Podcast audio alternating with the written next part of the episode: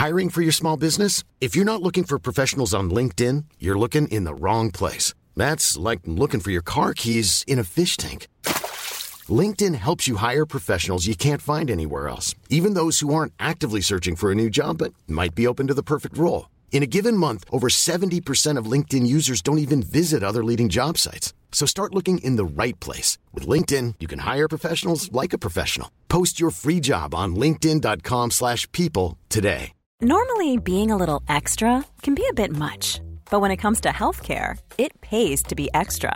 And United Healthcare makes it easy with Health Protector Guard fixed indemnity insurance plans. Underwritten by Golden Rule Insurance Company, they supplement your primary plan, helping you manage out of pocket costs without the usual requirements and restrictions like deductibles and enrollment periods. So when it comes to covering your medical bills, you can feel good about being a little extra. Visit uh1.com to find the Health Protector Guard plan for you. Millions of people have lost weight with personalized plans from Noom, like Evan, who can't stand salads and still lost 50 pounds. Salads, generally, for most people, are the easy button, right? For me, that wasn't an option. I never really was a salad guy. That's just not who I am. But Noom worked for me. Get your personalized plan today at Noom.com. Real Noom user compensated to provide their story. In four weeks, the typical Noom user can expect to lose one to two pounds per week. Individual results may vary. Återhämtning, det är lätt att missa när det går undan på jobbet och kraven är höga. Men det är faktiskt helt avgörande både för dig och din prestation.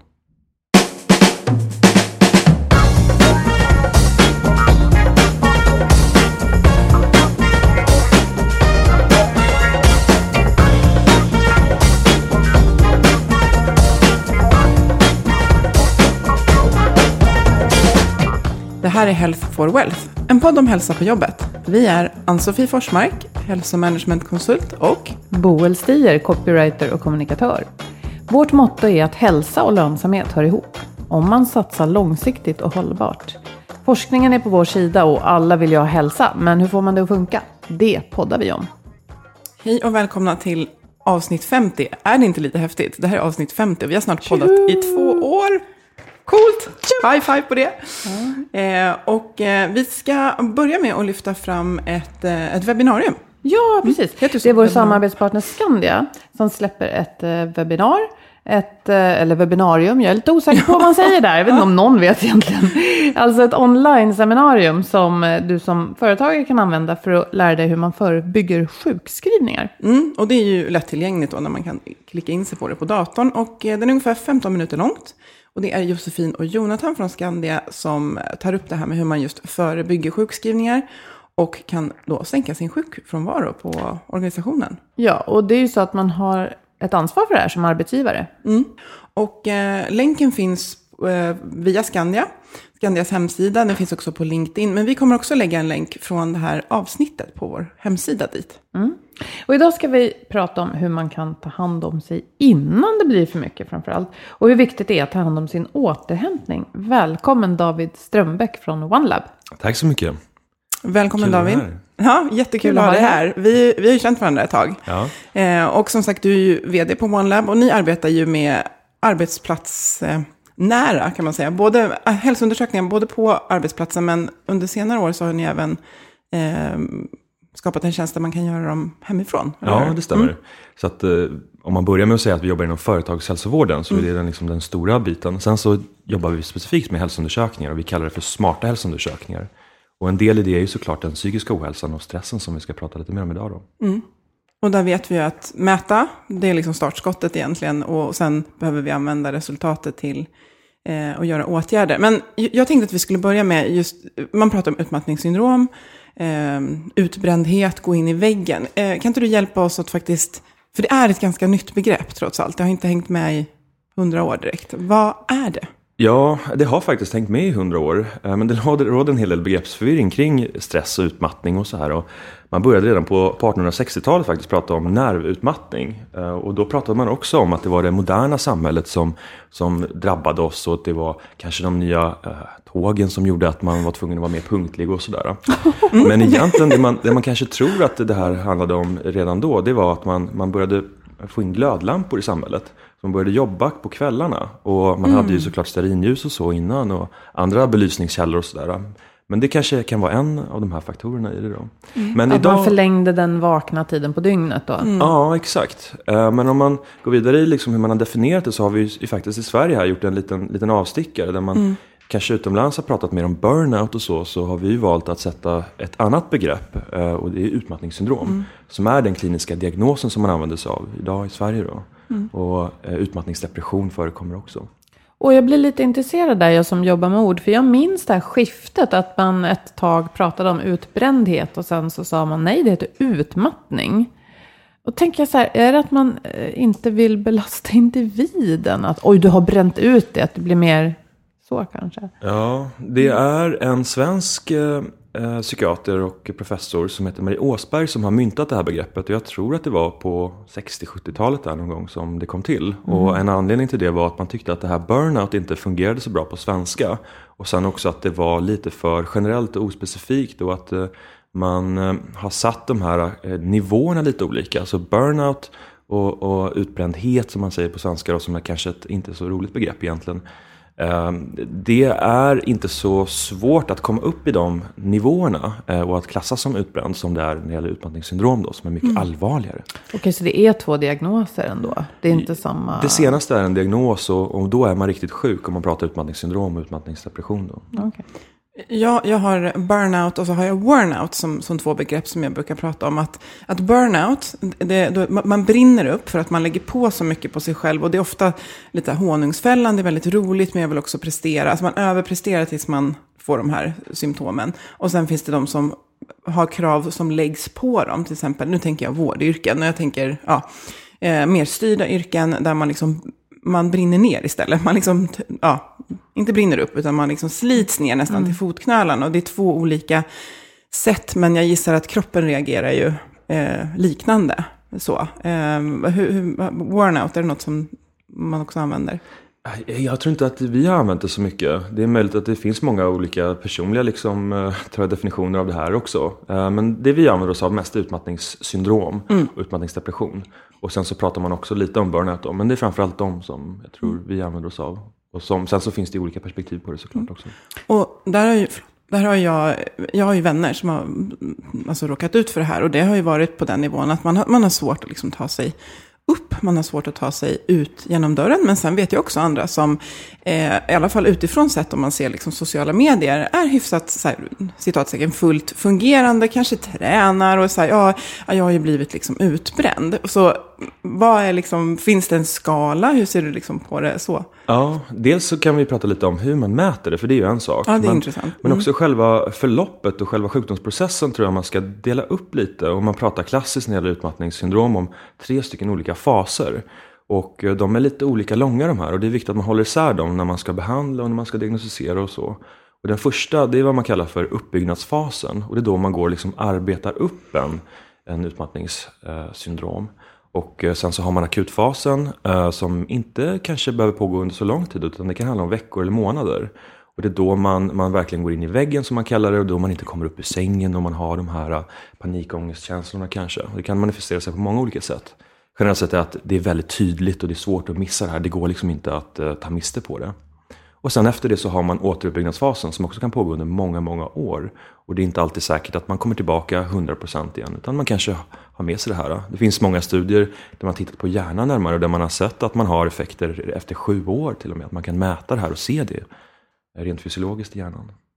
Fast eh, det låter ju lite tråkigt. Jag skulle säga att många jag känner som har varit i den där berömda väggen förändrar sitt liv faktiskt till, till det bättre efteråt. Så att även om man tar med sig spår i kroppen rent fysiologiskt och, och kanske är lättare känslig för, så, så kan det finnas en fördel. För att då är man kanske rustad också att säga nej tidigare. Absolut. Så Jag firar väl tio, nej, 11 år, tror jag, i, i år. Nej, 12. Alltså, sen jag liksom kra, alltså, kraschade. Jag vet precis, liksom, precis när det hände. Och, och det var Ja, 2006, precis. Och det, eh, då vet jag att det var lite så här, det, det, det, var inte så mycket prat om det då faktiskt, ännu. Sen bodde jag inte i Stockholm då heller och eh, hade inte lika mycket sociala medier jag tog del av saker. Mm. Och jobbade framförallt inte med, med de här frågorna på heltid som jag gör nu. Eh, men, men, och jag kan ju bara göra en personlig reflektion, att jag känner mig ju mycket starkare liksom, mentalt nu än innan. Men det har ju, för att jag har ju anpassat hur jag jobbar och så runt det. Mm. Mm. Men mm. Eh, David, du som, eh, eller du och ni på OneLab har ju gjort tusentals hälsoundersökningar och levererat rapporter ute på arbetsplatser. Och, och liksom mycket data har strömmat förbi och genom er. Och det är blodvärden, det är upplevd hälsa, det är liksom ett brett spektrum ni möter. Men om man sammanfattar det så här, hur mår vi idag ute på arbetsplatser egentligen? Ja, det är en jättebra fråga och vi jämför ju många gånger med andra bolag så att eh, det blir ju lite en, en temperaturmätare på själva situationen just nu där ute. Och det är klart att vi hittar mycket folk som har problem, både när det gäller liksom de här traditionella folksjukdomarna, pratar man hjärt och kärlsjukdomar och diabetes och så här. Eh, också muskuloskeletala sjukdomar som är de vanliga fysiska sjukdomarna som vi drabbas av. Men de kommer ju många gånger kanske lite senare i livet. Även om man kan bygga upp dem under lång tid och man kan se tecken på dem tidigt eh, så är den psykiska ohälsan och, och utbrändhet eller utmattningsdepression och eh, så, det är ju de, de, de vanligaste formerna av, av sjukdomar som vi har idag i Sverige. Och det är det som är den vanligaste anledningen till sjukskrivning, så det är ett jätteproblem. Sen så är det såklart så att det drabbar lite i olika branscher olika mycket. Och just om man tar utmattningssyndrom så, så är det mer frekvent när det gäller vårdyrken till exempel. Lärarskrået är extremt utsatt. Eh, man kan säga nästan offentlig sektor. Och sen så om man ska gå in på individnivå så är kvinnor i mycket högre grad eh, drabbade än vad män är. Eh, så det finns helt klart skillnader. Men om det är så att vi har mer sjukdomar idag än vad vi haft tidigare så skulle jag nog säga att, att svaret egentligen är nej. Vi har lärt oss att hitta de här på ett bättre sätt och vi har lärt oss eh, att eh, behandla dem också i en högre utsträckning. Men just den här psykiska ohälsan är intressant för att den är vi inte så vana att prata om men inte heller diagnostisera eller behandla. Så det är lite den, den utmaning som vi har idag. Ja, men vad intressant. Och apropå det här med vad ni mäter. Jag nämnde att ni kan mäta allt från blodvärden till upplevd hälsa. Vad är det man mäter egentligen för att ringa in den här utmattningen? Ja, just när det gäller utmattning och, och psykisk ohälsa så finns det ju inga bra biomarkörer sådär eh, som man kan använda sig av. Om man tar hjärt och kärlsjukdomar så är blodfetterna en klassisk markör och blodtryck är också en sån här sak som man, man ofta använder sig av för att diagnostisera och ställa, eh, ställa, eh, hitta sjukdomar och så. Men när det gäller den psykiska ohälsan så, så har man inte lyckats ur ett kliniskt kemiperspektiv så att säga hitta några bra markörer. Utan där är det fortfarande skattningsformulär, det är frågor och det är den upplevda hälsan som är det viktiga. Och det är det man använder sig av när man ställer de här diagnoserna i stor utsträckning. Sen är det klart så att man kan se effekter också. Man pratar till exempel om kortisolnivåer idag. Men det är inget jättebra mått att använda i screeningsammanhang för att man har en stor biologisk variation där och rent mättekniskt så är det ganska bökigt. Vi pratar ju också om hjärnan här och det är väldigt svårt att gå in i hjärnan och mäta de här olika hormonerna och så. Så att, eh, det är ingenting man, man, man, man gör så ofta. Utan då är det skattningsformulär som man använder sig av.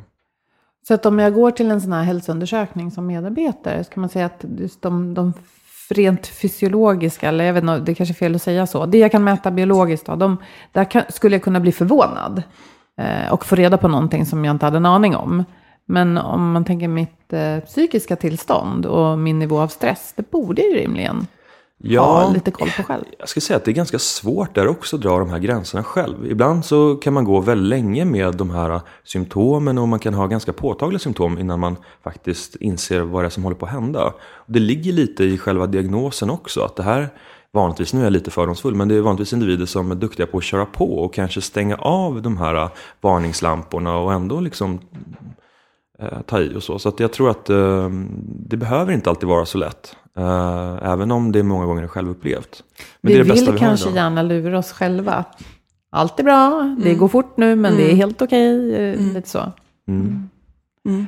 Men vi vet i alla fall att den, det här emotionella får ju påslag i kroppen. Men det kan vara svårt att... Alltså om jag mäter klockan åtta en torsdag morgon i februari. Det är inte säkert att jag träffar det med ett blodprov just då. Och blodtrycket just då är förhöjt. Utan eh, jag tänker om man till exempel skulle ha någon, någonting som man mäter över tid. Eller något sånt man skulle kunna Ja. Hittar du med? Det man pratar om mycket, det finns ju olika stresssystem i kroppen och det vanligaste det är den här HPA-axeln. Då pratar man om hypotalamus och sen så en ytterligare liten eh, struktur som ligger subkortikalt i hjärnan som heter hypofysen och som i sin tur reglerar eh, binjurarna som utsöndrar kortisol. Då. Eh, Problemet är att eh, vi har en biologisk variation som sagt och att eh, på morgonen till exempel när man ska vara pigg så, så drar det här systemet igång och badar hjärnan i stresshormoner. Och så ska det vara. Problemet är när vi inte har riktigt har tiden för återhämtning. Så stress i sig är ju ingen fara utan det är just utebliven återhämtning som är problemet. Och det är det som är svårt att mäta. Eh, Så att man kan ha höga stressnivåer och det kommer man hitta om man tittar på de här markörerna. Men det är själva återhämtningen som, som är det svåra att mäta. Och det är den som man inte riktigt får med. Nej, och det är ju där många, många brister. Både, eh, just för att vi kanske kan uppleva ibland att man inte riktigt eh, har identifierat vad det är man behöver återhämta sig ifrån. För att man går och, från jobbet och eh, tänker att man återhämtar sig. Men man låter istället, liksom, det är ju hjärnan som är trött ofta efter de jobben vi har eh, idag. Och så går man iväg och då liksom plockar upp sin iPhone och ja, stressar upp sig över andra saker. Så att återhämtningen uteblir ju. För att, det är inte för att man har gått, ehm, gått från jobbet direkt. Så. Det kanske är så att återhämtning är något som vi aktivt måste ta ett eget ansvar för att tänka på idag. Just, du nämnde ju sist vi pratades vid Annie ett begrepp paid. Ja. Vad är det nu? Det är pressure. Pressure, det är. Det funkar på svenska. Alltså press, Ja. alltid uppkopplad. Eh, information overload, okej det kanske finns på svenska. Ja, men informationsöverflöd. Eh, och sen distraktioner, att vi är konstant distraherade. Och sen har jag ju lagt till ett S då, som är liksom stillavarande. Eh, och, och det är ju det som, för du nickar, det så, vad bra. Eh, så det är ju det som vi ofta behöver att återhämta oss ifrån när vi är på jobbet. Att vi känner oss pressade och vi är ständigt uppkopplade. Och så går vi från jobbet då. Och istället för att återhämta oss från det, vilket då är det ju att stänga ner massa intryck, sänka kraven, röra på oss utan att det blir en till, ett till stresspåslag. Ehm, och att inte bli så distraherad. Så går vi ju gärna från askan in i elden i nästa fas, till exempel hem från jobbet och handla och middag. Och, eh, vilket man såklart måste göra, men man man kanske måste förändra sitt synsätt på de aktiviteterna för att det ska bli, det måste få vara återhämtning någonstans. Så, Ja, så det, det är min upplevelse också, att det, det är just återhämtningen som tryter. Det är klart att det kör ihop sig och det blir bråttom och mycket att göra och otydligt och folk är idioter, typ. That's life. Men hur har man en strategi för sin, för sin återhämtning? Och en väldigt tydlig del av återhämtningen är ju sömnen. Ja. För jag menar hur avspänd är jag när jag tar bussen hem från jobbet? Det kan vara lite svårt att ha koll på kanske, eller att styra. Men just att man får sova tillräckligt. När ni mäter, ställer ni frågor om sömn då, hur mycket man sover? Ja, och det är jätteintressant. Även om det kan variera från individ till individ så har man sett att eh, dels kan det vara så att man har svårt att gå och lägga sig för att man är så pass uppvarvad. Och att man vaknar många gånger under natten och så. Så att det brukar vara ett klassiskt symptom som man pratar om. Och som du säger så är ju sömnen helt avgörande. Och om det är någonting man ska vara lite orolig för så är det just när sömnen börjar svaja och när man inte får tillräckligt med sömn. Och det går ju bra under några veckor, månader kanske till och med. eh, Men det kommer inte hålla i längden om man inte sover. Och det har ju en rad effekter på vår fysiologi i övrigt också. Man kan se det redan efter några dagars eh, minskad sömn att man har effekter på både blodtryck men också blodfetter faktiskt, och till och med blodsocker. Så att eh, det är en helt avgörande återhämtningsdel att sova och det är kanske det som är det allra viktigaste då. Och alla som vill vara smarta på jobbet, för det tror jag att många vill. Där kan det väl vara värt att säga det, att vi blir ju verkligen mindre smarta också om vi inte får den här sömnen. Absolut. Hjärnan funkar ju inte lika bra. Nu är det ju lite inne så här, här och där upplever jag att prata om sömn och att se det som något man ska värna om. Men jag är inte säker på att det är så utbrett egentligen. Vad upplever du?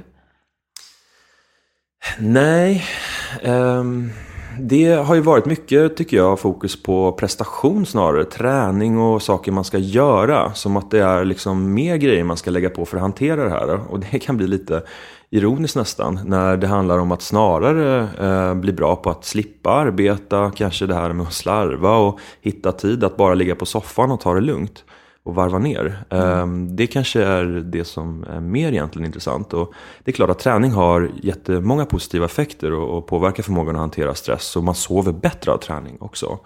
Men eh, jag tror ändå att om man ska börja någonstans, om man är på gränsen till att trilla dit, så är nog sömnen det jag skulle börja titta på. Eh, I många fall, om man är lite, lite fördomsfull och kanske lite generaliserar så här. Men ehm, om man inte sover så är det svårt att träna och ta till sig träning och så. Så att, eh, det, det är där man brukar börja. Och, och där kan det ju faktiskt vara så att det, man får förstå lite så koppling till 1860 när, när man såg att det kanske hade att göra med att vi börjar få lampor. Alltså vi, vi kommer behöva gå mot bokstavligt talat strömmen för att få till sömnen. För det finns ingenting i vårt levande som bjuder in till att ja, men nu är ju faktiskt klockan halv tio och det är dags att gå och lägga sig. Speciellt om man har kommit ur sin den här cirkadiska rytmen. För vissa av oss sover ju så samma timmar varje natt. Så det, är liksom, det är som att någon slår en i huvudet ett visst klockslag och bara gå och lägg dig. Men många har ju kommit ur det där och då får man förstå att man kan behöva liksom jobba med sin sömnhygien för att få till det. Ehm, men ja, hur känner? För jag har läst någonstans att en av tre i Sverige är liksom trötta, o, trötta som har med, med störningar att göra. Men, men eh, de, det som du beskriver fysiologiskt händer när man inte sover, det är ju ungefär samma sak som händer när man är stressad. Alltså sömnbrist är ju en typ av stress för kroppen.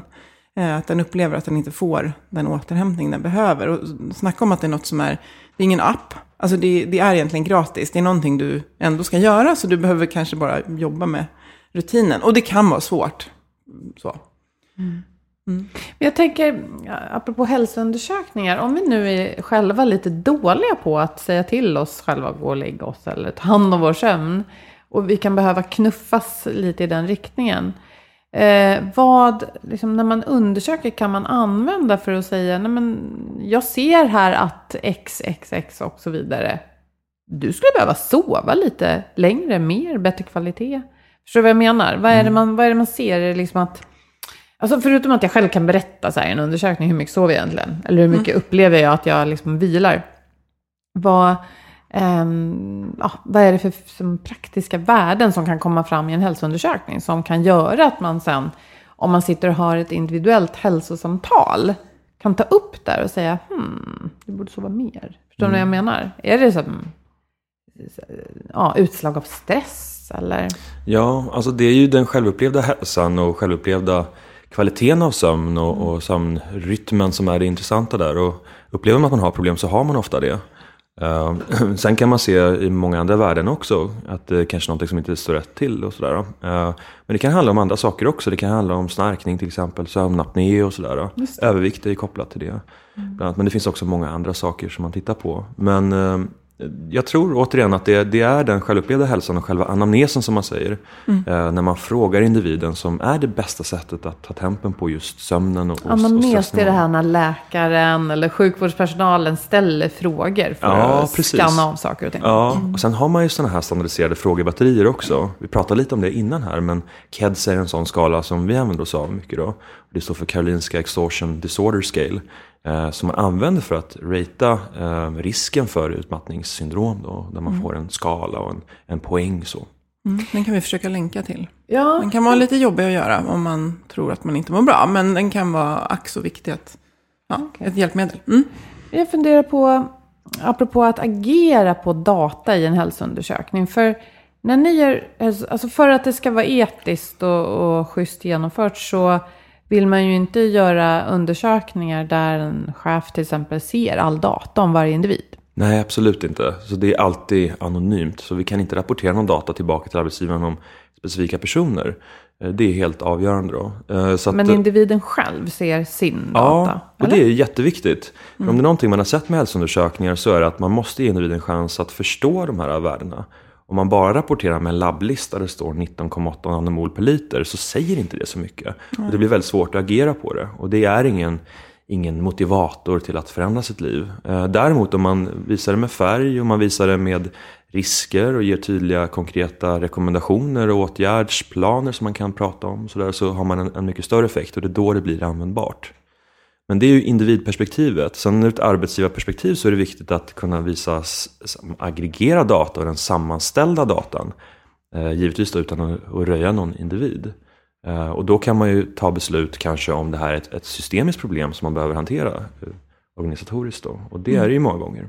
Mm. Vad skulle det kunna vara att, eh, att folk är stressade för att de har inte riktigt tid eller resurser att utföra alla krav som ligger på dem? Ja, och jag tror också att det ser väldigt olika ut inom organisationen. Så att det är inte så att hela organisationen kanske är stressad, utan det brukar oftast vara så att den här pressen finns på några enstaka individer eller enstaka roller inom organisationen.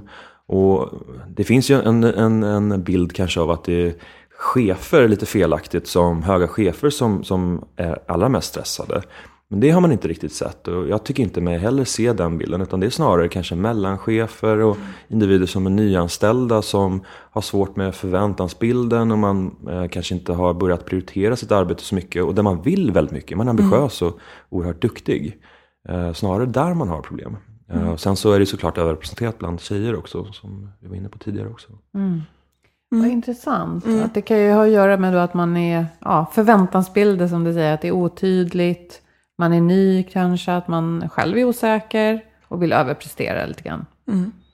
Mm. Och om man tänker, för vi, vi pratar om återhämtning, hur, hur mycket klarar vi av egentligen? Det här är en väldigt filosofisk fråga, men hur mycket klarar vi av? Alltså hur, eh, för jag tänker att om man då tänker, ja men jag sover bra.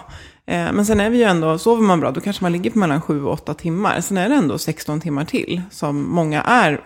Man går från liksom noll till 100 är ofta en reflektion över det här med att kortisonnivåerna stiger på morgonen. Och vad gör vi också på morgonen ofta, i alla fall jag? Dricker kaffe, mm. som också liksom spär på det här systemet som egentligen redan är, är igång. Så. Men hur, eh, ehm, ja, hur, hur ser du på återhämtning under dagen? Så. Ja, det är en jätteintressant fråga och det enkla svaret är att jag faktiskt inte riktigt vet helt hur, hur det förhåller sig där rent vetenskapligt. Men om jag ska spekulera lite så tror jag ju att det, det är viktigt. Och om man tittar på de yrkena som är mest utsatta, så dagispersonal, eh, lärare och vårdpersonal till exempel, så är det ju arbetssituationer som har ett väldigt litet inslag av återhämtning. Där man kanske har en ständig press på sig att uh, möta eh, patienter och, och barn och, och, så, elever och så. Så att jag tror att uh, det är jätteviktigt att få sätta sig ner i lugn och ro och, och ta kanske några minuter eller en halvtimme och, och äta en lunch eller sådär med sina kollegor utan den här pressen på att hela tiden leverera. Mm. Men det är en intressant fråga ur ett annat perspektiv också och det är det att man har sett att just inställning till ens arbete är viktigt, i alla fall i det korta perspektivet. Så individer som tycker att eh, det är jobbigt eh, med arbetet eller tycker att det är tråkigt eller mindre roligt, de är mer känsliga eh, än vad individer som, som tycker om sitt jobb i det korta perspektivet. Sen så är det såklart så att i ett längre perspektiv kanske det omvända också är sant att individer som tycker att det är kul med sitt jobb också riskerar utbrändhet av andra skäl för att man försummar återhämtningen över tid. Då. Men eh, det är väldigt olika hur mycket man kan jobba och vissa mm. individer kan jobba oerhört mycket medan andra eh, kanske inte klarar av riktigt lika mm. mycket. Då. Men det är också väldigt viktigt tror jag, där med hur man lägger upp sitt arbete och det här med att prioritera och strukturera upp sitt arbete så att det blir hanterbart över tid. Mm. Då. Och det är klart att det, det, om man tänker allt från en, en, en förskolepedagog till någon som, som, som kanske sitter och, och, kan styra väldigt mycket över sin vardag, kanske jobbar framför en dator och bara, nej men nu tar jag en liten paus och sådär. Så det är väldigt olika. Men just de här som ändå kommer tillbaka till friska arbetsplatser, att det är tydligt, jag känner att det finns meningsfullhet, jag har bra kollegor, stöd, känner mig trygg. Det buffrar ju för att, att orka med jobbet eh, bättre. Men är jag för engagerad så är ju risken också att jag bara kör på. Eh, och då krävs det ju liksom andra insatser både för mig själv och min arbetsplats. Att det finns någon form av, liksom, det här är faktiskt inte hållbart. Nej. Även om det är superkul just nu. Så, ja. En annan sak man har sett som eh, också tycks ha en, en effekt. Det är förmågan att, att, påverka sitt eget arbete och arbetstempot. Mm. Att kunna dra i nödbromsen när det är jobbigt och så. Att inte styra över arbetsflödet är någonting som är stressande. Och det ser man eh, många gånger när det gäller kanske löpande band och sådär. Att det, det, är de allra mest påfrestande yrkena mm. när man inte kan styra över tempot själv. Och hur man agerar och så. Och, så det är någonting att tänka på. Mm. Och, sen, och precis, och det jobbet är ändå så att när bandet stannar till exempel. Då är det, det går inte att jobba mer då. Eh, så, men just att kan man då också få, det kan ju bli win-win. Om man dessutom kan styra tempot på det och så vet man att nu stängs det av. Och skiftet slutar och jag går härifrån. Det är väldigt svårt att ta med sig det hem och fortsätta dutta hemma. Mm. Eh, så tänk om man kunde plocka alla russin av de här. Eh, liksom, för jag tänker vi som har, jag, som, som egenföretagare, det är ju väldigt fritt. Men, men problemet är ju här, det är ingen som säger när du är klar. Det måste du själv göra. Det måste vara din egen chef och liksom ta dig själv i hampan. Liksom, och så här, men nu, nu måste du faktiskt vila lite och pausa. Ja. Mm. Ja, det blir väldigt tydligt också, apropå det här att kunna påverka sitt jobb med offentlig ja. sektorn, som du säger. Att där, mm där utmattning redan är ett väldigt stort problem och bland kvinnor speciellt. Och vi vet att det är väldigt eh, få chefer på stora medarbetargrupper i offentlig sektor. Men då Ja. är det ett f- verkligen lika viktigt, så här, ännu viktigare fokusområde. Hur skapar vi liksom autonomi eh, inom de här organisationerna? Eller bara tid för pauser. Ja, mm. Ja, svårt när det är långa köer utanför och man bara känner att man behöver leverera förstås. men som sagt, ni träffat så otroligt mycket företag. Och, och, mm, kan du ge något exempel på någon, någon, någon, någon insats som man har gjort efter att man har fått den här datan och kanske Eh, kanske inte tappat hakan, för många vet ju ändå någonstans att så här, oh, det kanske är lite så här. Och så får man det lite svart på vitt då. Eh, något exempel på någon in, insats som någon har gjort som har varit framgångsrik, där ni sen har kunnat göra uppföljningsmätningar och sett att det faktiskt har fått effekt. Mm. Det finns flera goda exempel. Ehm, det som är generellt för dem tycker jag är att eh, man har blivit duktig på att prata om de här problemen och att eh, cheferna tar det på allvar. Och om det är någonting man ser som är viktigt när man ska komma tillbaka till arbetet efter utmattningssyndrom, det är att, att chefen har förståelse för det här. Och där kan man redan eh, preventivt jobba med utbildningar och man kan förmå organisationen att känna till de här tidiga varningssignalerna och dra gränsen tidigt. Och det tror jag är någonting som är oerhört viktigt. Och där har vi många goda exempel på, på företag där man har börjat uppmärksamma de här frågorna, man har börjat prata om det mer öppet och, och kanske också eh, visa att det är okej att, att eh, säga nej till arbete och, så, och hitta det här långsiktiga tempot som faktiskt fungerar. Det tror jag är viktigt och att det inte alltid är så att man upphöjer den här prestationsorienterade kulturen som kanske också kan vara lite skadlig ibland. Mm. Ja, det låter bra. Och det är ju, ja, prata, men det är, det är konkret. Alltså hur får vi in det på agendan att faktiskt prata om det? Jag tror, sen, sen ur individperspektiv så finns det ju många andra eh, framgångsfaktorer och där gäller det att ha ett systematiskt arbetsmiljöarbete och hela tiden utvärdera och mäta är ju någonting som såklart jag vurmar för lite extra. Eh, och att eh, mäta de här sakerna över tid är jättevärdefullt för en organisation för då kan man lära sig när man behöver dra ner på tempot och när man behöver sätta in insatser och som, som för att hantera de här utmaningarna som man har många gånger. Då. Mm. Och många gånger är det tyvärr så att man inte riktigt känner till hur illa det är. Man kanske har en, en känsla av personalomsättning, att den har börjat dra iväg lite grann på sista tiden. Men man, man kanske inte riktigt eh, har hela bilden. Och, och det tror jag är steg nummer ett, att, att börja med det. Att förstå hur det faktiskt ser ut. Och också hur man relaterar eh, till andra, andra liknande företag. Är det så att eh, det finns branschindex så är det jätteanvändbart att titta på. Jag är lite nyfiken på de som köper era tjänster. Är det ofta för, med någon slags intention att nu ska vi se till att hälsan bland medarbetarna blir bättre? Eller är det för att man känner att det efterfrågas av individerna som jobbar där? Jag tror att det är både och. Det finns helt klart de som ser, ser en ekonomisk fördel i att göra det här. Och det är ju mycket det vi, vi pratar om också. Att det är klart att det är en win-win situation. När, när arbetstagaren är frisk så mår ju också arbetsgivaren bra och har ut stor effekt av det. Men eh, jag tror att många gör det av ren omsorg för sin personal också. Eh, och att det är som en förmån. Och jag tror att eh, det finns lite olika skäl till, till varför man väljer att köpa de här tjänsterna.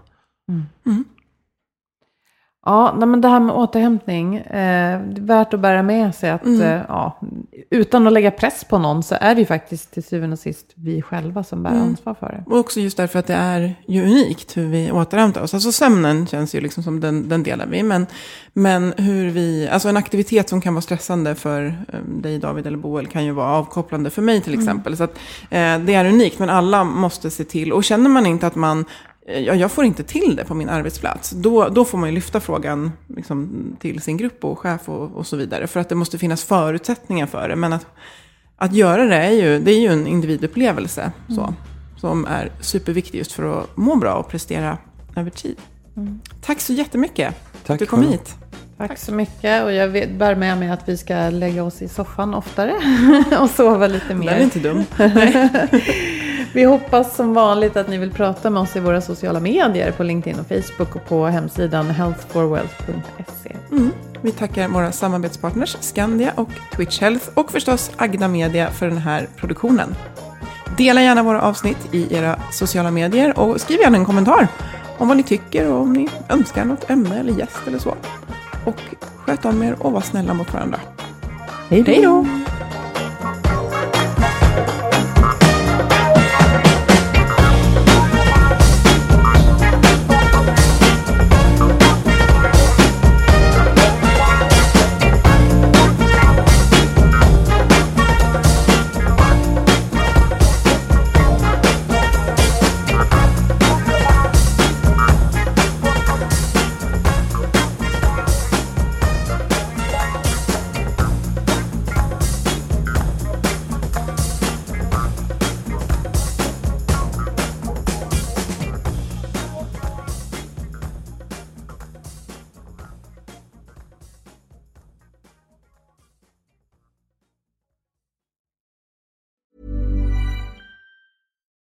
Deserves the best, and there's no better place to shop for Mother's Day than Whole Foods Market. They're your destination for unbeatable savings, from premium gifts to show-stopping flowers and irresistible desserts. Start by saving 33% with Prime on all body care and candles. Then get a 15-stem bunch of tulips for just $9.99 each with Prime. Round out Mom's menu with festive rosé, irresistible berry chantilly cake, and more special treats. Come celebrate Mother's Day at Whole Foods Market.